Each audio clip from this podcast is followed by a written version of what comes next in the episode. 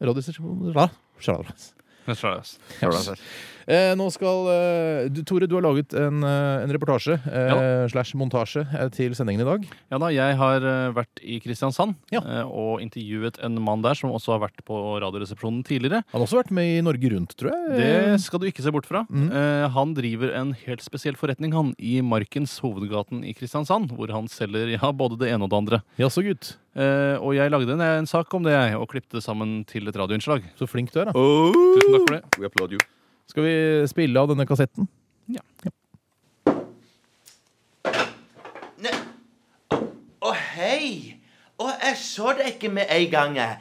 Og du, ja, du ser jeg driver her og rydder bort noe gammel pikk her på lageret. Og så, og så ser jeg deg, og tror du står der med pikken i handa. Men jeg ser jo nå at det er mikrofonen, ja.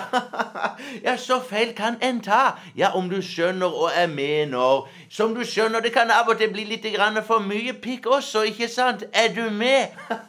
Ja, ja, sånn er det. Ja, ja, ja, ja. Skal vi se, skal vi se. Ja da. Jeg heter Perry Åseral, og jeg driver pikkbutikk her i Markens i gågata i Kristiansand. Sommeren er over, og jeg som pikkforhandler forventer nå at interessa for pikk vil dabbe noe av nå utover høsten. Ja, jeg gjør det. Jeg gjør det. Gjør jeg ikke det? Jo, jeg gjør det. Jeg gjør det. Ja, hei, og kan jeg hjelpe deg med noe? Nei takk. Jeg, jeg bare ser meg litt eh, rundt, jeg. Hvis jeg Ja, ja, ja, ja, gjør nå endelig bare det, du. Ja, her er det mye å se på, det kan du vel se. Ja, det er jo eh, det. Ja, men si nå bare endelig fra om du trenger hjelp, ikke sant? Ja, ja. Mange liker bare å se på pikk og føler at det er nok, men det er greit det.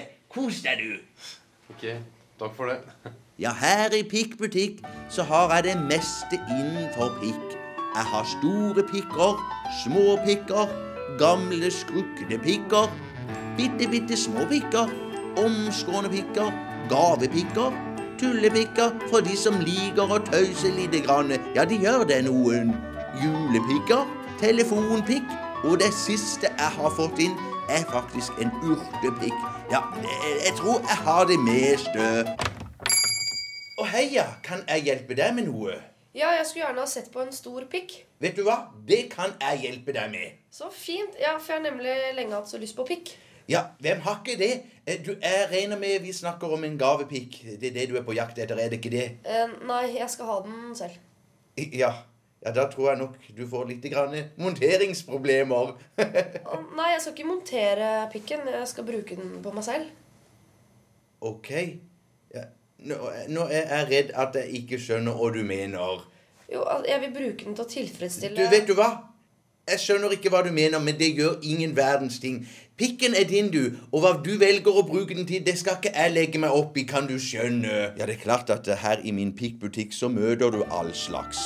Om ikke jeg skjønner meg på alt det kundene mine bruker mine produkter til, så gjør ikke det noe. Nei, det gjør ikke det. Gjør ikke det, vet du. Det viktigste er at kundene mine er fornøyd med den pikken de har i handa når de går ut ifra min butikk. Ja, det er det. Det er det. Er det ikke det? Jo, jo det er det. Det er det. Ok, da får du egentlig bare takk for intervjuet. Da har jeg det jeg trenger, jeg. Jo, Ja. jo takk skal du ha. nei, nei. Ja, det var fint, det. Du, jeg, jeg- jeg, jeg må nesten bare løpe bare på lageret for å rydde litt mer pikk. jeg. Men, men takk du- igjen. Takk skal du ha. Du, før du går. Ja. Du har ikke sånn, eh, sånn krigspikk? Og du tenker på sånn en tyskerpikk? Ja, jeg har en sånn nazipikk. Du, vet du hva? Vi stikker bare på lageret og så ser vi lite grann. ø. Det kan godt tenkes at jeg har en nazipikk liggende bare på Har du det? Ja, det tror jeg. Det kan godt tenkes. Ja, det er akkurat det jeg trenger.